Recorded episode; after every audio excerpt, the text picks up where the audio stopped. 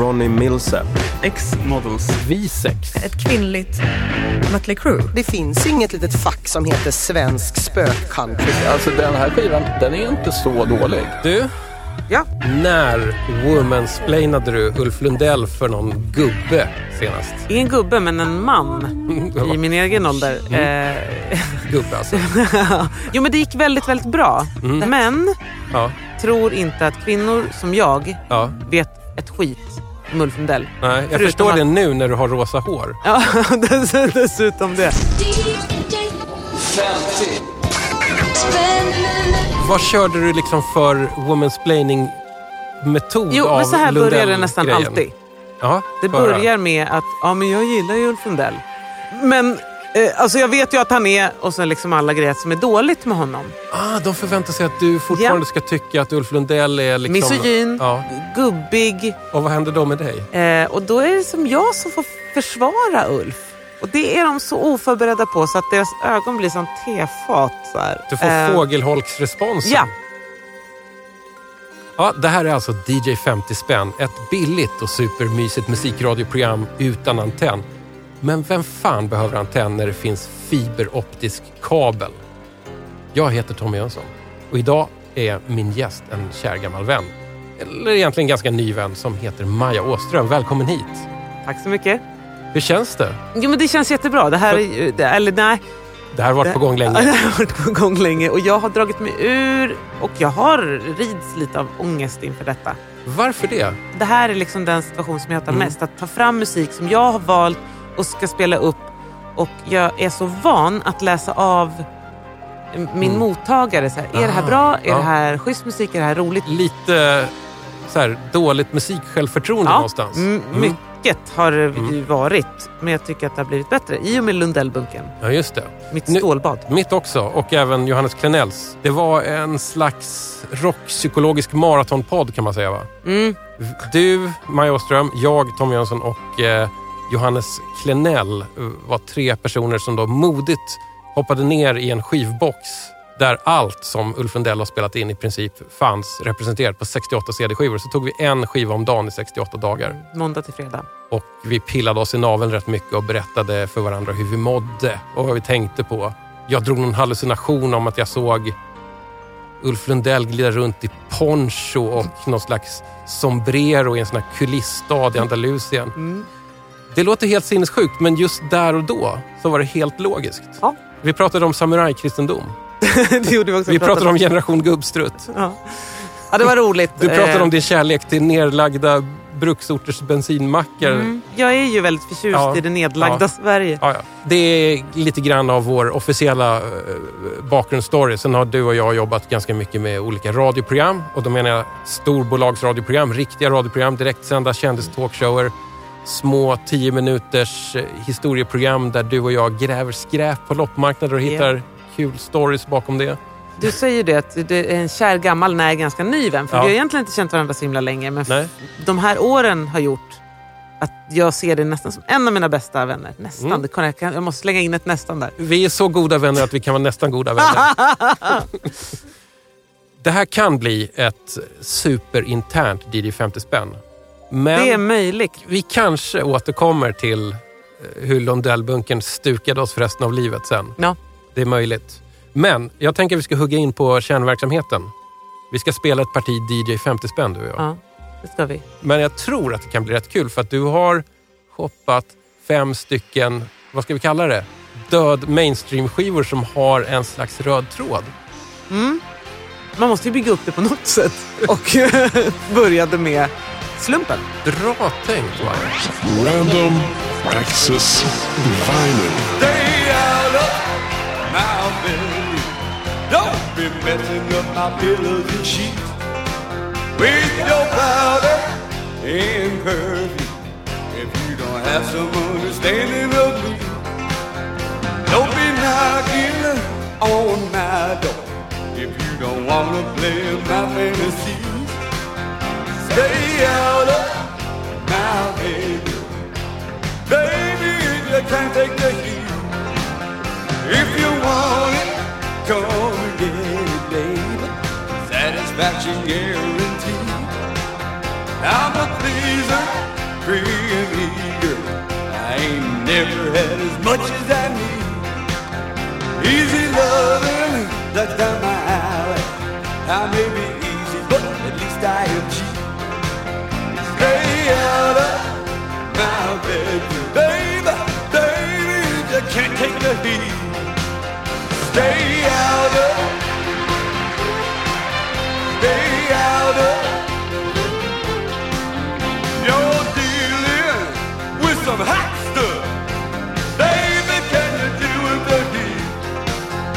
We might burn out forever. We might burn out tonight. Where there's smoke, there is fire from the flames I ignite. The heat is intense when desire is blazing high. Slaving over all those red eye lovers I love. You come to my bed, to the heart of the heat. I will pleasure your body in the sheer ecstasy. I will touch you in places no one else ever reached. Do you want me to remember anybody but me? If you want it. yeah. Because you don't come crying to me. Don't come knocking on my door. Baby, if you can't take the heat, don't be peeping through my window. my. If you don't appreciate what you see, appreciate what you see. stay out of my bedroom. Baby, if you can't take the heat, stay out of.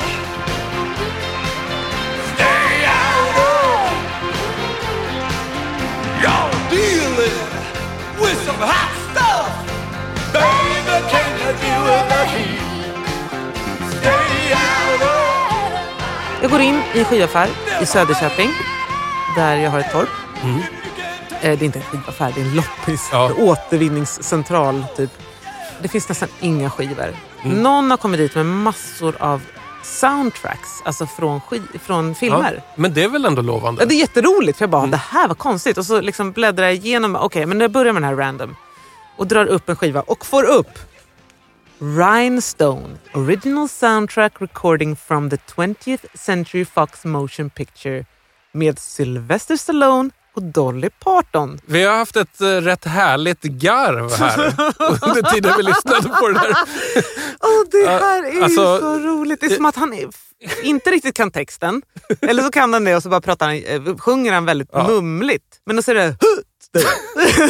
Ingenting hade kunnat förbereda mig för hans liksom hojtande. Vi kan säga så här. Jag är väldigt tacksam över att få höra Sylvester Stallones kvaliteter som vokalist redovisas så här öppet och ärligt. Mm. Sylvester Stallone har sagt att det här är den roligaste film han någonsin gjort. Det roligaste han någonsin haft. Han har aldrig haft så Men- roligt på en inspelning. Nej, så kan vi säga. Med Dolly för att hon är så rolig och härlig. Ja. Men att han ska ju inte göra humor. Han insåg Nej, han det. kom liksom. på det. Det var den här filmen som fick Mm. honom tänka. Nej, det är viss talang som krävs Ja. kanske för humor också. Ja. Och jag tyckte att de inte hade någon som helst kemi första gången. Jag har sett den här Nej, filmen nu nej. två gånger. Mm. Du är nog den enda på hela planeten som har sett den här filmen två gånger. Ja, jag kanske kan tänka mig att se den tredje gång också. Om vi bara ska säga någonting jättekort om vad det här är för slags film, Rhinestone. Det, det är en komedi. Det är en komedi och den är ju är liksom en modern Pygmalion. Ja. Någon ska förvandlas från smuts till en diamant. ja. eh, Och det här är en typ en, en Ja. country-diamant. Ska Sylvester Stallone bli. Mm. Ja, men det finns såna smärtsamma scener när Sylvester då ska försöka, man fattar det här med att han försöker vara rolig. Mm. Att det inte går. För att Nej. han, han gör någon eh, spelning då för hennes släktingar, för de åker ner till södern för att lära honom vad han ska Ja, ja. lära sig gå, äta, vara Mm. en cowboy. Liksom, och, eh, och då sjunger han för liksom hennes släktingar och, och det är så smärtsamt jobbigt. Och samtidigt ska hon stå och fnissa bredvid för att hon tycker ändå att han är lite härlig, ska det verka som i filmen. Japp. Och sen får ju de någon slags liksom, kärleksrelation. Mm. Men det roliga ändå i film, måste jag, som är, en, är ju att hon är den lite starkare av dem.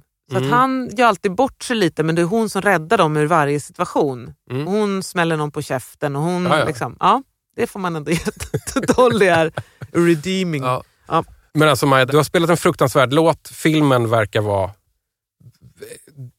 Eller jag vet att det är det, för jag har också tvingat mig själv att se den. Det är en dunderkalkon. Ja, det är det. Och det roliga här är ju att Sylvester Stallone tackar alltså nej till filmer som Snuten i Hollywood och även till...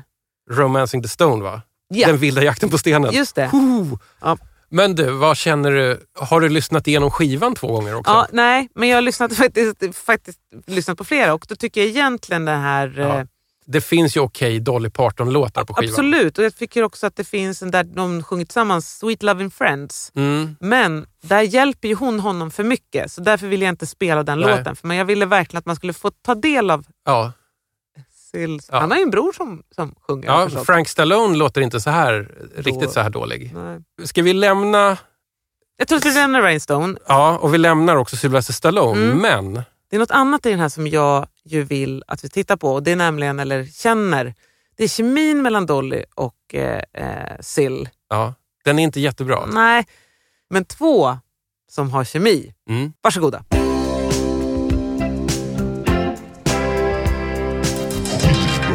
Klassiker. Baby, when I met you, there was peace unknown. I set out to get you with a fine tooth comb. I was soft inside.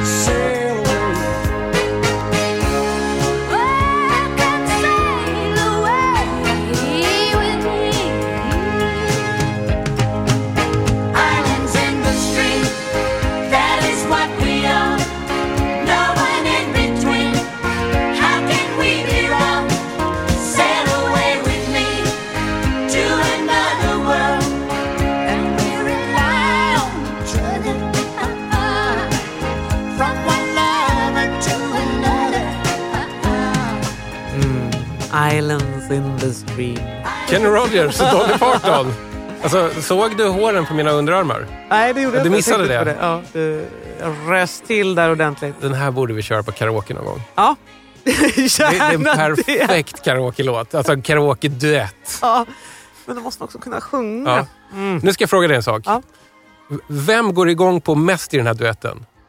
Dolly eller Kenny? Jag tror att det, det, det finns, det är någonting med den där kemin. Alltså. Jaha, okej. Du, Mm, du menar du att, att liksom summan är större än... Ja, än Ja. var och en för sig. Mm. Det tycker jag med båda två faktiskt. Att jag går igång mer när de är tillsammans. Ja, Mm. jag, tycker den är helt, helt, helt perfekt. Det finns varning för att jag kommer liksom ha en lång monolog om en liten stund. Jag är inte där än, men, Nej, men, men eh, du är på gång. Du jobbar upp ändå lite team Kenny. Ja. Alltså, han har kanske inte den högsta country-credden, inte ens i 10 backen, men han låter så härlig. Han låter liksom som en salongsberusad brunbjörn in the mood for love. ja. Samtidigt som det är någonting väldigt faderligt, så det, det blir aldrig så sleazy. Och det han knorrar till rösten på något sätt som är så himla härligt. Ja, man, de- den är ganska mäktig, men den har, den har, man hör en akilleshäl i rösten. Eh, och han, Mm. Det han utnyttjar det på ett fint sätt. Det gör han.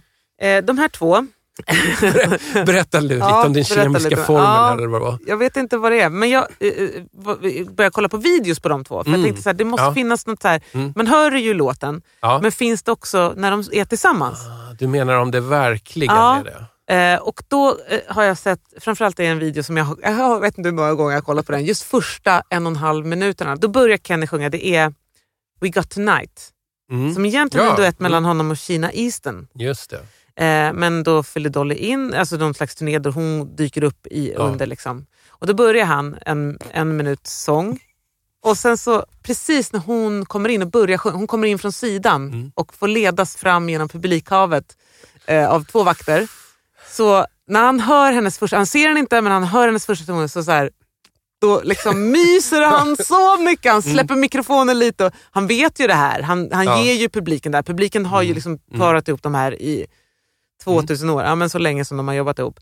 Eh, så att han vet ju att han spelar på det, men det är ändå åh, det är så mysigt! För de tycker om varandra så himla himla mycket. Du tror alltså att det är så på riktigt? Att det inte Ja, fast- bara nej, är men Jag här, tror att de tyck, alltså jag menar inte att de vill ligga med varandra, tycker om varandra, utan de, har bara, de gillar att jobba ihop. Mm. Och de gillar att vara tillsammans och de har roligt. Hon bjussar Mm. på sig själv. I slutet av den här videon så skojar hon med honom. Hon sjunger också We got tonight, yeah, who needs Sheena Easton? sjunger hon. Då skrattar han, tycker hon är så rolig. Ja, det är fint. ja. Okej, du missade gåshuden på mina armar, men den här låten den gör någonting med mig. Varför? Jag, alltså jag har ett slags visdomsord, tycker jag, då, som är så här. Bee Gees bästa låtar är inte Bee Gees låtar. Fattar du vad jag menar? Ja, jag fattar. För det här är en Bee Gees-låt och den är fan med en perfekt Man Bee hör ju att det är en Bee Gees-låt Ja. utan att man hör någon Bee Gees. Och, och jag vill hävda att det inte bara är att Kenny Rogers och Dolly Parton sjunger en låt skriven av brorsorna Maurice, Robin och Barry Gibb. Utan jag vill mena att liksom Bee Gees-bröderna, de är inne i dem. Alltså som de demoner. kanaliserar Ja, Bee ja, Gees. ja, ja, ja. Robin, Barry och Maurice Gibb har skrivit den. Barry Gibb är en av producenterna. Lyssnade du på elpianot där när de sjunger Tender Love is blind? Nej, jag Alltså, tänkte det inte är ett perfekt Bee Gees elpiano som låter ungefär som How Deep Is Your Love elpianot. Fast det är ännu fluffigare. Det är så Ah, mjukt. De. Det är så mycket så här mjukmedel i det som är så vackert. Det är, så... Är det då du får rys? Ja, då får jag rys. Alltså, jag tycker att det är så snyggt. Och, och då, alltså när det där elpianot kommer, det är då man hör att så här, det är brorsorna som har en riktigt bra dag bakom flygeln eller hur de nu skriver sina låtar. Ja, det är fint. Mm. Jag- jag- Det knäppa är att den här låten är tänkt för Marvin Gaye.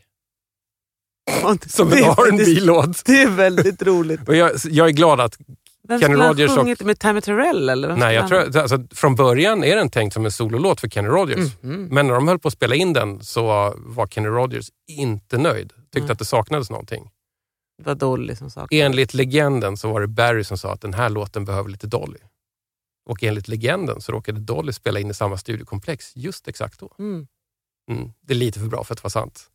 ja, det, Men det, de kanske gör mycket tillsammans. Jag, jag är ju liksom helt besatt av tanken att det finns en jättefin Mm. kemi. Eller, att- det tycker jag ju ser, att det finns en Mm. kemi. Du, eh, vi ska strax bläddra vidare i din skivbunt Maja, men eh, fortsätt sippa på champagnen en stund här så ska jag sticka emellan en liten grej. Vadå för champagne? Så här, eh, DJ 50 spänn är inte bara en super-indie musikpodcast. Det är också ett alternativt musik och surr-universum med naturlagar som skiljer sig en aning från resten av världsalltet. Om du som lyssnar nu gillar vad du hör, tipsa gärna vidare. Det finns plats för flera lyssnare. Berätta för dina vänner, för din partner, dina husdjur. Retweeta, kära på Facebook. Köp gärna en tygkasse med nätshop så fler kan se vilken himla bra smak du har. Om du har vägarna förbi iTunes Store så skriv gärna en liten recension där också. Om du vill penfighta så finns jag på Twitter, på Instagram och på Facebook-sidan DJ50 spänn. Se till att likea den så att eh, du inte missar någonting från mitt håll. Vi fortsätta? Det tycker jag. Jag var inne på detaljlyssning här. Man, man hör, om man vill, lite eh, gib-falsett. Ja, långt, långt ner i mixen här på Islands in the Stream. Du har en till falsettskiva. Mm, det har jag. Nostalgiköpet. Bangkok, oriental setting, and the city don't know what the city is kept. The creme de la creme of the chess world in a show with everything but Yul Brynner.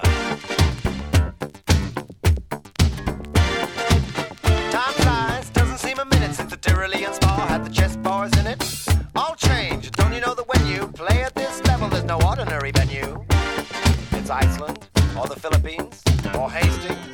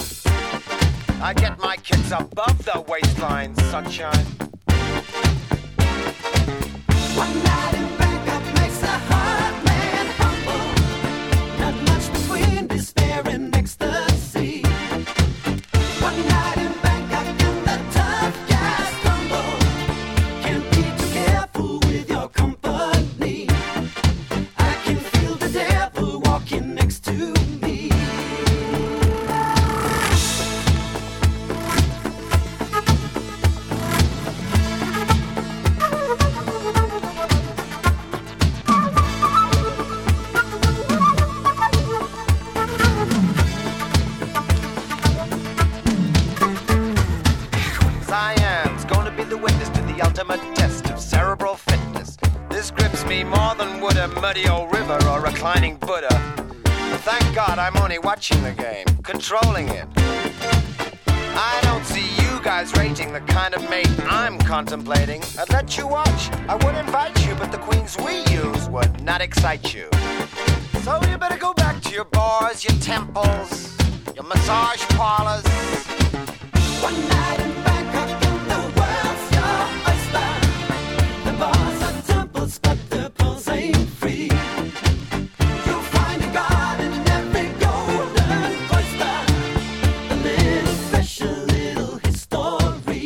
Murrayhead, angel One Night in Bangkok. Hör att jag mm, som att jag... Ja, men det, det är P4. Ja, Mm. exakt! Ja. Precis. Det kan vi ju säga för de stackare som inte bor i Stockholmsområdet att du hörs ganska ofta i P4 Stockholm för närvarande. Eftermiddagsprogrammet kör jag Mm. eh, många dagar i veckan. Har du avat Murrayheads Bangkok-dänga? Nej, jag tänker att jag kanske måste göra det framgent.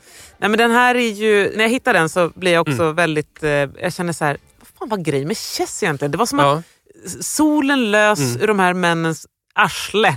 Nej, men att det var som De att här så männen, pratar du om nu Björn och Benny. Benny? Ja. Som, de, det gjorde ju det, ABBA. Det var liksom, åh Ja, gud. Och så ja. skrev de en musikal och sen var det som att det var jordens största händelse. Ja, men det var så här, vet du vad jag tror? 86 att, var. 84 faktiskt. 84. Eller albumet kom 84, jag vet inte när själva musikalen Ja, gick upp. Ja, det var nog två år senare i London. Men det var en stor grej och jag tror att det var att efter 70-talets så här progg-era och Mm. sådär, då, då de allra flesta kanske tyckte att ABBA var rätt bra. Så fanns det ju några som tyckte att det var skit Ja. och de var ganska röststarka då. Men sen... Marie Bergman, vet du vad hon sa i en intervju? Nej, Att ABBA var värre än att vara som, som pedofili. nej. Ja, men alltså hon, det, är en, det är ju en rubrik. Och hon var med i ett program Ah, eh, som jag producerade med Ulf Elving där hon säger att hon bara, jag måste ta tillbaka det där. Jag ja, får be ja, om det. ursäkt Ja. postumt. Alltså, Men det ABBA var så var... man såg på det i Ja. proggkretsar. Ja, precis. Men sen eh, la ABBA ner 82. 80-talet går, de här gamla proggarna börjar ta kneg på reklambyråer och Mm. bli chefer på myndigheter och allting så här. Får lite mer pengar, de blir yuppies, Mm. de vill ha livets goda och sen så kommer den här musikalen. Så här, musikaler, det är väl ändå ett, ett steg uppåt från den där discosörjan. Det- Björn och Benny, det är bra killar. De har gjort en musikal med Tim Rice. Ja. Det här ska vi supporta. Och då blev det världens grej. Jag själv tycker att det är världens nedköp. ABBA var ju jättebra på sin sista bittra syntpopskiva. Okej, jag gillar One Night in Bangkok. Det, det är en jättebra låt. Men i övrigt? Jag är inte I så know him impad. so well är väl också Ja, den är en, fin. Ja. Det är inte Jesus Christ Superstar, men det är en okej Men musikal. Problemet här är ju att man inte fattar handlingen. I den här låten? Nej, Nej men i, i, i hela Nej, musikalen. Nej, men det handlar om kalla kriget och schack. Ja, fast det är ändå väldigt knepigt. För det, åh, vilka, vilka var det som var ihop nu? Och så gjordes den om också. Eh, jag såg Ja, jag den här faktiskt 20, ingenting av den. 2002. Såg jag den faktiskt. Mm. När den, det var ju första gången den gick upp i Sverige för mig och då var det Tommy Körberg och allt vad det var. Mhm. Så jag såg den på Cirkus och jag minns att jag bara... Du vet när man har byggt upp någonting för att det snackades så mycket om denna musikal på 80-talet. Och att de också slog i, det gick ju bra i London. Mm. Men sen när den sattes upp i, alltså det är sk- 30 år sedan i år som Ja. den sattes upp i april 80, 88 i New York på Broadway. Jaha, det här måste ha mörkat eller så har jag inte hängt Det med. gick åt helvete. Den Så kan man tankade. säga. Ja. Den handlade om två eller tre månader fick den spela Ja. och sen så gick den ner för Ja. att den, det funkar inte. Och tydligen var det också bråk hela vägen. Jag, jag Mhm. lyssnade på Nordgren och Epstein som då pratade om den här 2015 när den gick Mm. ut som någon sån konsertversion och turnerade runt Chess Mm. då. Eh, som då Anders Glenmark sjunger eh, Murray Heads eh, karaktär Ja, ja, under den här konserten Mhm, 2015. Och då berättar eh, Thomas Nordgren att han var och såg den här eh, musikalen då när den gick upp i New York på Broadway. Regissören hade hoppat av. Eh, amerikanska skådespelarfacket tyckte bara att det skulle vara amerikanskt, fick sjunga. Ja, men det var det ena med det andra och ja, Mm. det, det, den floppade. Ja. Och sen så läste jag en artikel av eh, eh, Björn Ulvaeus som berättar att han var ju kvar själv i New York när alla andra hade åkt hem. Ja. Den hade floppat och han låg och hade sån, han trodde att han fick en hjärtattack. Alltså han, Åh nej. han bröt ja. ihop på ett hotellrum Ja. där, ensam i New York. Och Jag tänker också, även visst, ABBA var ju inte omtyckta men de hade ju ändå framgång Ja, runt om i världen. de. Och så Absolut. plötsligt så gick det inte så bra. Det måste ju vara Ja. fruktansvärt eh, att vara ensam i ett främmande land Ja. och så, nej, det Ja. blev inget med den där. Mm. Och de släppte den också på skiva först, inte det märkt? Man testar inte scenen först. ja, men det är nog inte helt ovanligt tror jag. Okej. Att det först Mm. kommer ut som ett slags konceptalbum och sen så kommer musikalen. Det, jag vet att det har hänt förut. Ja. Ska vi prata lite om eh, Mr Falsett på den här nu? Ja. Anders Glenmark, som du liksom kopplade ihop med Barry Gibb. Ja. Jag försökte lyssna lite på det. Det är snygg falsettsång. Mm. Han är, Det är jättebra på det och han är också med på massa and- alltså Han skriver låtar och han, du har ju kollat lite hur Oj, oj, många. oj. Ja, det, alltså det, det är underbart att bara så försöka pussla ihop allt som eh, Anders Glenmark var inblandad i. Till exempel, visste du att han körar på Alf Robertsons Vår värld och Emelies fotoalbum? Oj, oj, oj. Det här är ju också... Det här är Alf Robertson oj, oj, är ju oj. för dig eh, något av en husgud så jag förstår att det Ja. gick rakt in. Mm. Mm. Men han är också med och körar på Jesusrockaren Ingmar Johansson, En kvinnas man. Vad är det du inte förväntade dig att han skulle vara inblandad i? Eh, att han lirar gitarr på Ingmar Nordströms Saxparty 9. Jo. Alltså han är ju mer känd för att han la gitarren på uh, Abbas Money Money Money. Men eh, han var inte för fin för att göra Ingmar Nej. Nordströms heller. Han var inte heller för fin för Nej. Mm. att göra eh, smurfrock. Han skrev en låt till den sovjetiska popstjärnan Alla Pugacheva som spelade in en platta i Stockholm, tror jag 1984. Ja, men det var, hon var ju med i Jakob Stege hela Mm. tiden, herregud. Och så Mm. finns det en skiva som jag jagar efter som heter Glenn Disco, utgiven av Glenn Disk, Glenmark-klanens skivbolag. Eh, Den producerade han och har några coola spår. Men viktigast av allt, Ja. han gör ju alla smurfröster på eh, smurfplattan Fader Abraham och några till tror jag. Jag försökte säga den till dig alldeles nyss, men du, du bara var på väg någon annanstans. Ja. mm, men det är fantastiskt, för Ja. det tror jag inte bröderna Gibb... Nej, va, jag har inte kunnat hitta att de har varit inblandade i någon smurfplatta, men vad vet man? Ja, vad vet man? Lite helium och de tre brorsorna. Ja. Mm. Nej, men så jag tycker att, eh, då känner jag att den här kopplingen inte är helt fel. Jag är inte Nej. alldeles ute och cyklar här att eh, Anders Glenmark är Nej, våran men det tycker jag knyter ihop det här och det visar ju också att du är är en fena på P4 där man ska kunna göra ganska snygga glidningar mellan låtar. Jag är så glad att Ja, du sitter här. Men du, du får ju lite pluspoäng här, en liten guldstjärna av mig för att du plockar upp en singel som också innehåller skivbörsgodis av typen ett väldigt giftigt litet flöjtparti av Björn Jison Lind. Mm. Om jag ändå hade vetat det Ja. när jag plockade upp den. Varför har jag inte byggt klart mitt Björn Jison Lind-altare Jag vet hemma? inte. Jag Jag måste vet göra inte det. det. Ja, Mm. det är, om det är så är det sista du gör. Ja. Du, det, som, Det är en till grej med röster här. De har ju skruvat Ja. och gjort något konstigt med Murray Heads röst. det var då jag insåg att det här är ju någonting som jag är väldigt, väldigt svag för. Har du något Mm. bevismaterial att hålla upp här? Här kommer det. Det är nämligen Chansningen.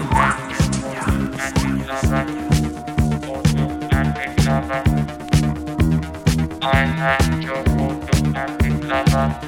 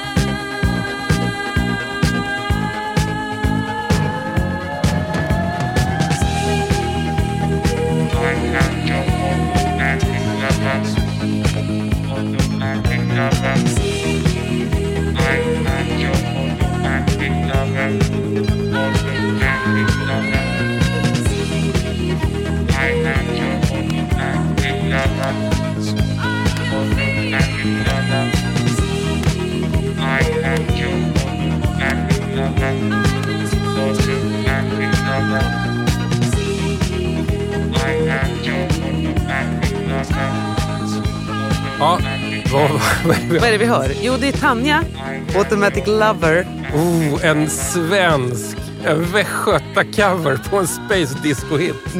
av Didi Jackson. Ja, det, det här är ju roligt på så många sätt. För att när jag hittar den här, Ja.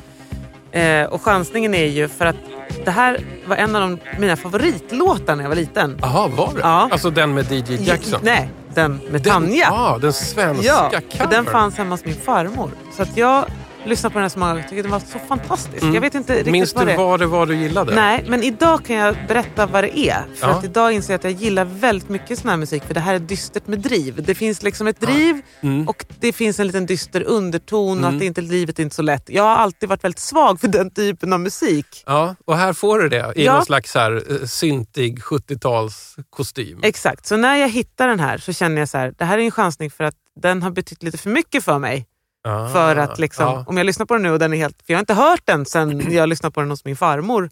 Om och om och om och om och om, och om igen. Gud, gud vad intressant. Hur kändes det att höra den nu? Jättefint. Det jag tycker det, fortfarande ja. den är riktigt, riktigt bra. Jag hade tänkt att det här skulle låta riktigt illa, men Mm. vi räckte på med lite volym här, lyssnade på den. Jag tycker att vilka det nu är som har jobbat med den här låten, jag lite svårt att hitta det. Men Ja, infon är svår att hitta. Det Ja. här, själva liksom, omslaget är ju bara... Nej, Det precis. finns Men, men det är från Marianne Records, så Mm. att det är liksom Bert Karlssons Skara-fabrik. Man kan gissa att Torgny Söderberg har varit inblandad.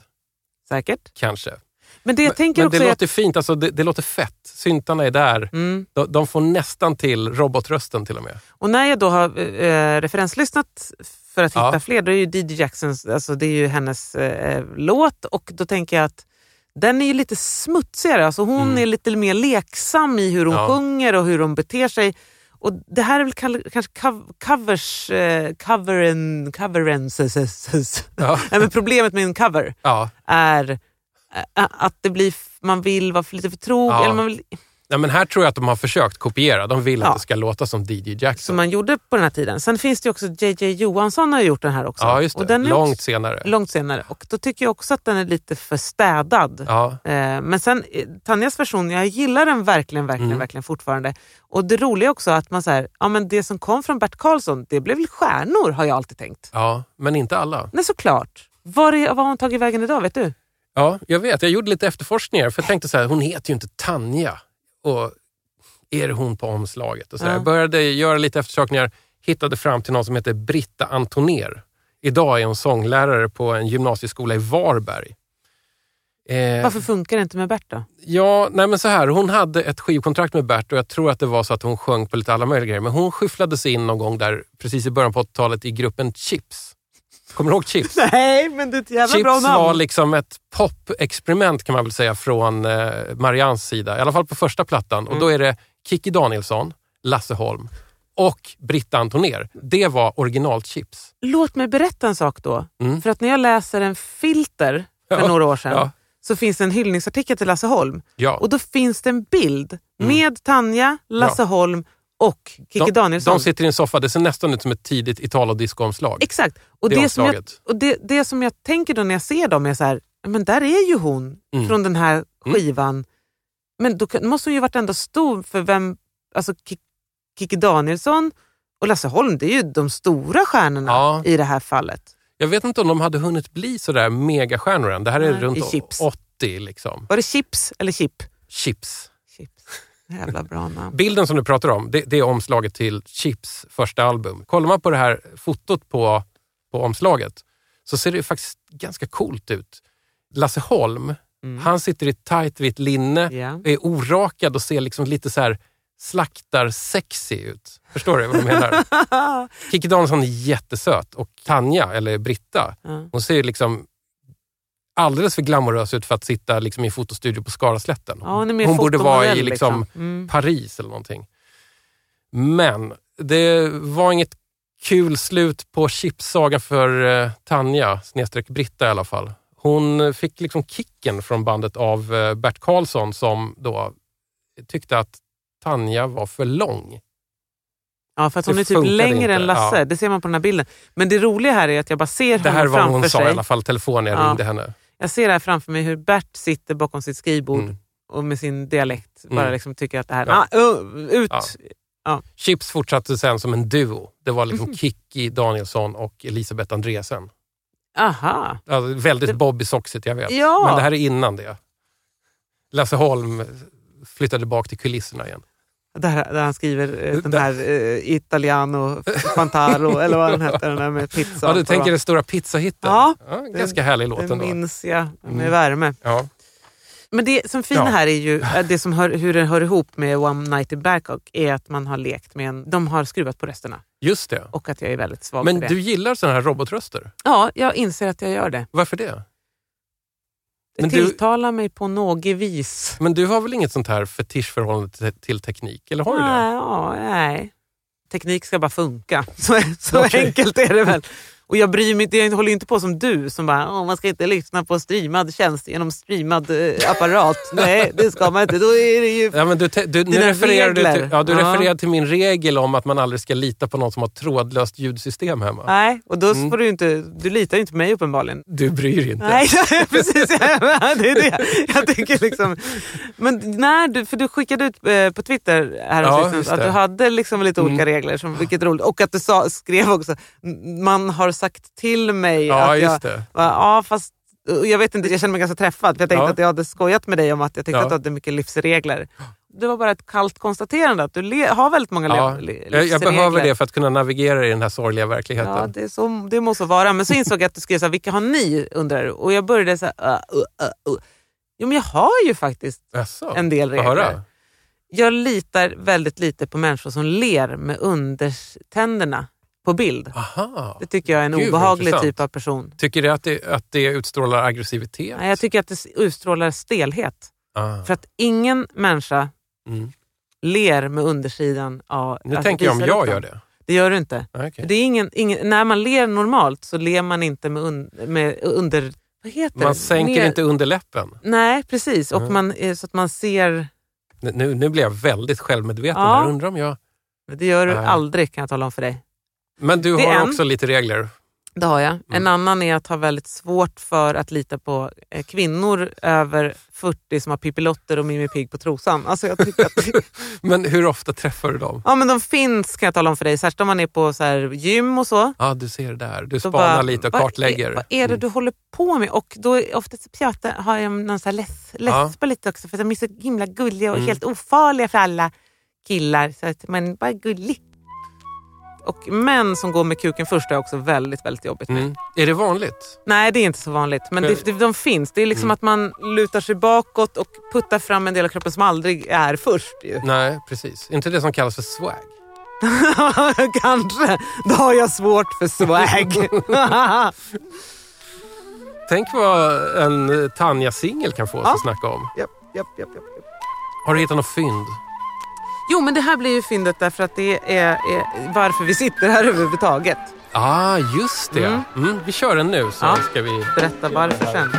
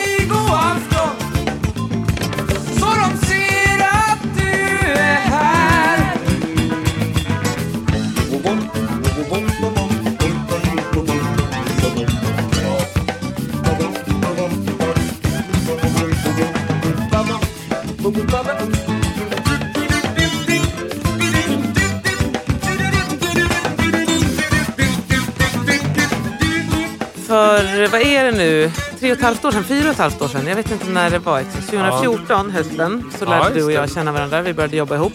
Just det. Och jag har då precis varit i det här torpet som jag äger och är i mycket. Och barnen hade satt igång den här skivan och jag står och diskar. Och så känner jag, nämen herre Jesus. Den det är liksom låten. barn, barnkultur extra allt. Alltså de, det är musiker som har så mysigt ihop. Så det blir... det här... Ja, vi lyssnar alltså på Vem ska trösta knyttet LPn med Peter Lundblad från 1978. Alltså ganska, det, det finns ju någon slags så här Mumin-handlingar. Men det handlar mer om de här männen som Alltså- jämmar ihop. Ja, de har det jättehärligt. Alltså, herregud vad de groovar loss här. Det, det, det, är ju, det är ju fantastiskt att jag undrar om det. Men måste det bli Är det Maja? Vill du ha lite, vill du ha lite vatten? Nej men alltså det är så härligt och förlösande att prata om det här. Ja, Okej, men det här är ditt fynd. ja, därför att, Hur är det här ditt fynd? Nej, för, att, det- för att det- det var ganska råa garv som kom från ditt håll. därför, att, därför att det var så att vi började känna, känna varandra och, och jag säger, nej men vad fan är det här för kåtfunk? Ja. Och du blir så här, du lyser till, du får liksom det kom, livet, i, det glittret i ögonen, det vet inga gränser. Jag Bara, du, det, det här, du skulle kunna vara med i min podd, jag behöver någon som säger det här. Ja. Och, så, så här, och så går en liten stund, vi jobbar vidare och så bara, ja du, vad gillar du för musik? Och det är ju den absolut värsta frågan man kan ställa till mig. För då blir jag Ställde här, jag den frågan till dig? Ja. För att då blir jag så stressad och tänker, gud vad gillar du för musik? Vad ska jag säga nu för att du ska tycka att, att jag är okej? Ja, det här är så löjligt. Det här är en gammal, gammal ångest. Som, som, Sa du inte kåtfunk på barnplattor då? Nej, jag gjorde inte det. Jag borde ju ha sagt det. Jag blev bara så här, ja, ja, ja, jag vet inte, äh, typ Björk, jag vet inte. äh, äh.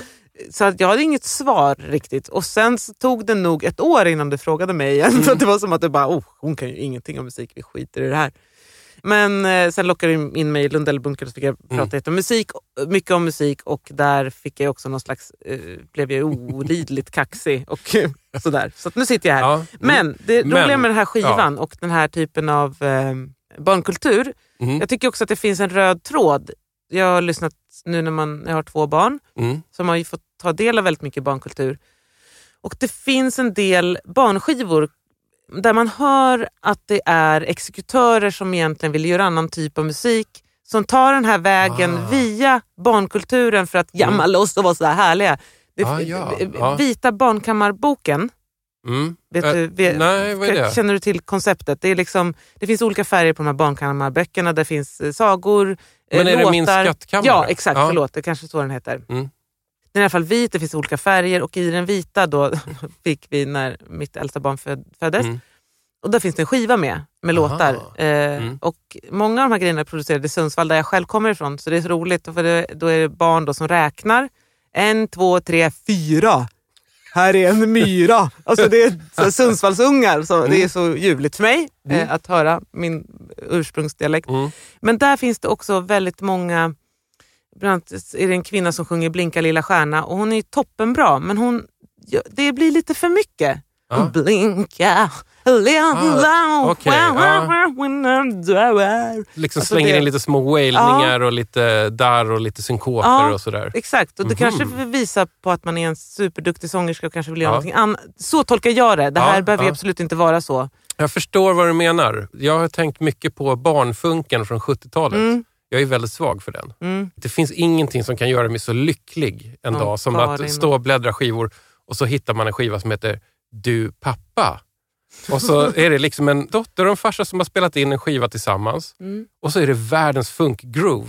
Och så är det den här så en konversation mellan pappa och en Mm, dotter. pappa. Ja. Ja. det är så jävla bra. Och då så här, bara tänker jag så att det fanns väldigt bra barnfunk. Men Mm. den här, jag, kan- jag kan hålla med dig om att Peter Lundblad och kompani, de kanske spårar ur för mycket här. På just Hemulens kalas. Nu är inte jag så här superkunnig i Mumin-universum, men när Hemulen har kalas, finns det inte risk för att det spårar ur då? Ja, Är det inte också- det som händer? är inte... Ja, jag är inte heller... Jag är för dålig. Jag tror att Hemulen gillar... Gillar, gillar det där? Ja, men det är kanske det de Ja. gör då. Dra vidare på det. Mm. För jag menar, idag Peter Lundblad vila i frid, för han finns inte med oss längre. Nej, det är sant. Och jag vet att väldigt många gillar den här skivan. Mm. Och jag gör det förutom Mm. den här, alltså den här låten var... Ja, Ja, den här är det over jag the top. Jag håller, jag håller med dig. Ja. Vem är det som hummar loss där? Ja, jag tror att det är Peter Lundblad. Det är han som är den stora stjärnan på den här skivan. Många andra musiker. Jag gjorde lite efterforskningar. Ja. Jag ringde till eh, Torbjörn Eklund som spelade flöjt och keyboards på skivan och gjorde arrangemangen. Och det han... Sa du att jag tyckte att det här Nej, jag, sa- jag, jag, det, det gjorde jag inte. Utan jag sa att jag var intresserad av eh, barnskivor från 70-talet. Och Då sken han upp och berättade om hur den kom till. Mm. Han var på turné med Peter Lundblad i Finland och då lyssnade de då på svenskspråk i finsk radio där eh, vad heter hon? Birgitta Ulfsson läste Muminsagor. Och det tyckte de var så fruktansvärt bra så Peter Lundblad tog kontakt med Tove Jansson och frågade får jag göra en eh, tematisk Muminplatta? Kör i vind, sa hon. Mm. Det blev den här. Hur blev den här? Så någonstans så har ju Tove Jansson faktiskt godkänt den här funkutflykten. Ja, men jag tänker att hon var väl, hon var väl liksom, tyckte att det här var kul och spännande.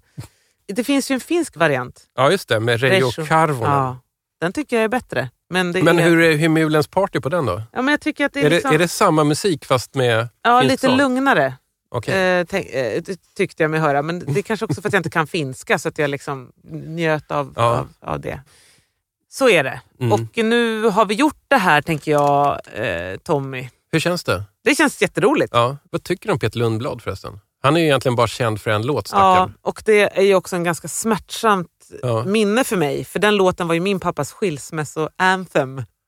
Eh, När mina föräldrar Mm. skilde sig så lyssnade han på den Ja. hela tiden. Han hade precis träffat en annan kvinna. Eh, så att det var liksom Mm. deras låt, Ta mig till havet Ja, gör mig okej. till kung. Mm. Så för mig, det, alltså jag kan skoja om det, det är inte Mm. så farligt. Men jag min, när jag hör den så, mm, jo, Ja. det är någon som Okej, var fri. Den, ja, den där. spelar på den strängen i dig. Jag Exakt, fattar. så att Peter och jag kanske inte är på jättegod fot från Mm. början.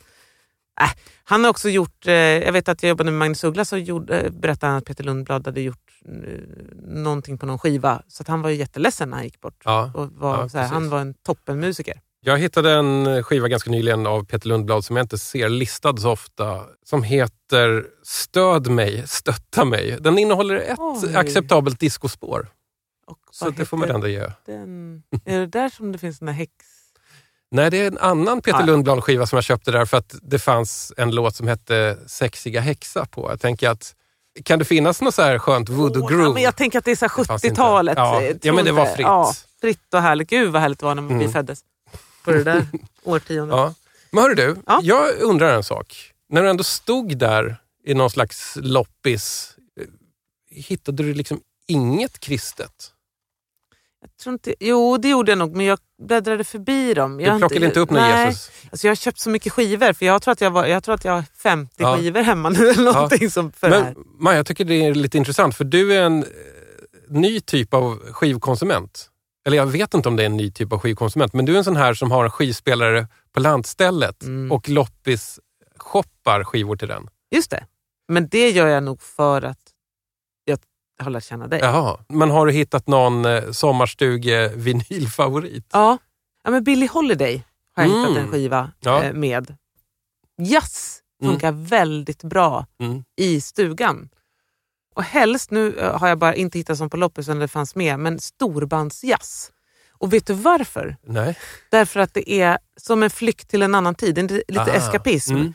Jag tänker mig smoking, Mm. jag tänker mig långklänning, Mm. lackskor, pomada Ja, och så liksom det här lyckliga leendet av Ja. att allt var bra. Allting Mm. var ju inte bra då heller, men i en, i en lite mörkare tid som vi är nu så kan Ja. jag säga åh vad bra, nu får jag försvinna in i den här. och då står du där i fiberpälsen och diskar i kallt vatten och tänker... precis. Jag tänkte faktiskt koppla tillbaka en liten grej till ditt och mitt stora trauma tillsammans med Johannes Klenell. Ja, Det var nog faktiskt. ditt trauma, det var mitt, min frigörelse. Det var, ju, Var det så? Ja, Ja. det var det. Du frågade mig vad som hände mig, jag kommer liksom aldrig fram till det. Att jag Nej. blev olidligt kaxig Mm. blev jag av att lyssna på Ulf Lundell. Har du nytta av det eller hämmar det dig Nej, idag? har, jag har bara nytta av det. Jag hoppas inte att jag Mm. är obehaglig att ha att göra med. Nej. Utan snarare att jag liksom inte riktigt tar skit längre. Som Ulf. Ja. Men jag undrar lite hur jag förändrades. Mm. Kunde du se det? Nej, jag tyckte inte att det förändrades. jag är hemskt ledsen. Det känns ju som att du höll i trådarna lite grann.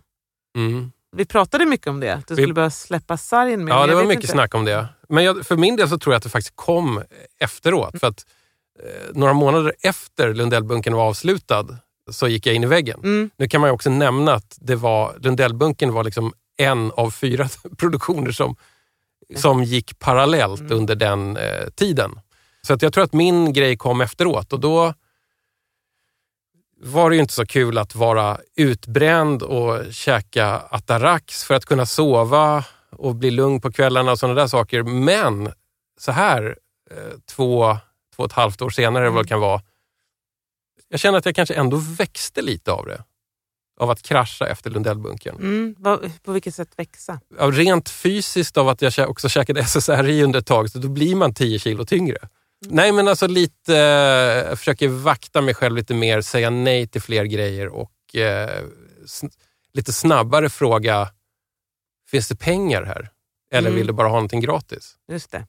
Det är en bra grej att säga Ja. i vår bransch. Mm. Jag tror att jag blev väldigt... eh, För när du gick in i väggen så var det snarare så att jag tänkte nej men nu kommer vi aldrig jobba igen för du kommer aldrig vilja jobba med det här igen. Fan, det, låter så, det blir alltid så flummigt när man ska prata om vad Lundellbunken var egentligen. Mm. Alltså på ytan, tre idioter som lyssnar på allt av Ulf Lundell under väldigt kort tid, en skiva om dagen. Under ytan så var det någonting flummigare. Det var nästan new age shit. på ett sätt. Du Alltså det var så här älskar personlig utvecklingsresa som i en annan typ av verksamhet så kanske man hade kunnat ta saftigt betalt för det här. Stäng in dig i tre månader med den här skivboxen. Mm. Du kommer ut som en annan person, jag lovar.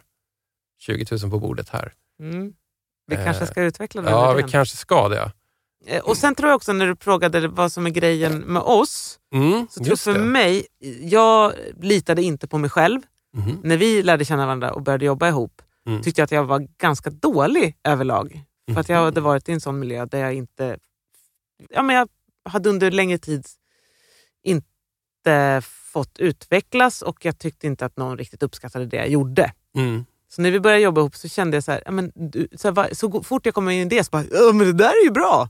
Alltså, då var det som att här, åh herregud, här är någon som faktiskt litar på det jag säger.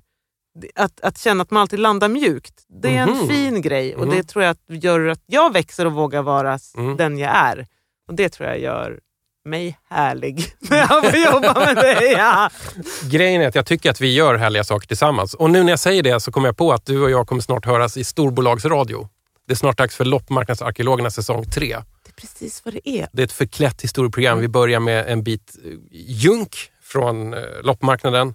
Vi synar den, vi försöker hitta en tråd bakåt i historien och så hittar man alltid något intressant om svenskens förhållande till troll Mm. eller ett eh, stackars glasbruk som kämpar för sin överlevnad på 70-talet eller varför spargrisen är en gris. Exakt. Och saken var den, när vi var ute förra säsongen och grävde Ja. så hittade jag en skiva. Vad är det där? Eh, Ja, den här.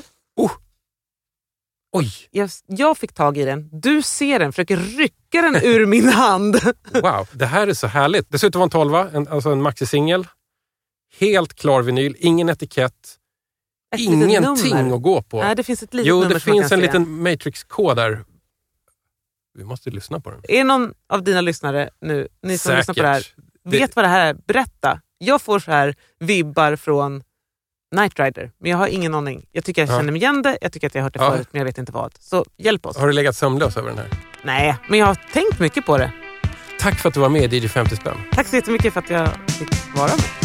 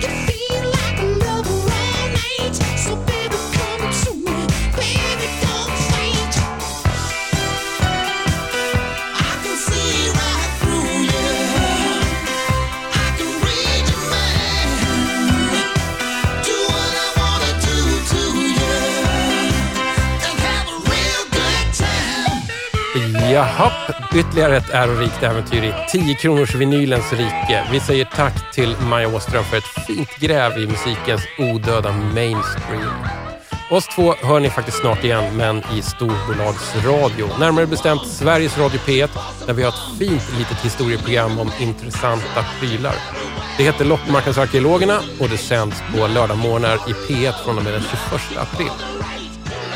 DJ 50 spänn programleds, produceras, klipps, mixas och mastras av mig och jag heter Tommy Jönsson. Podden görs i samarbete med produktionsbolaget Rundfunk Media. Kontakta mig gärna om du har någonting stort eller litet som du vill säga. Jag finns på mejladressen hej dj50spann.se.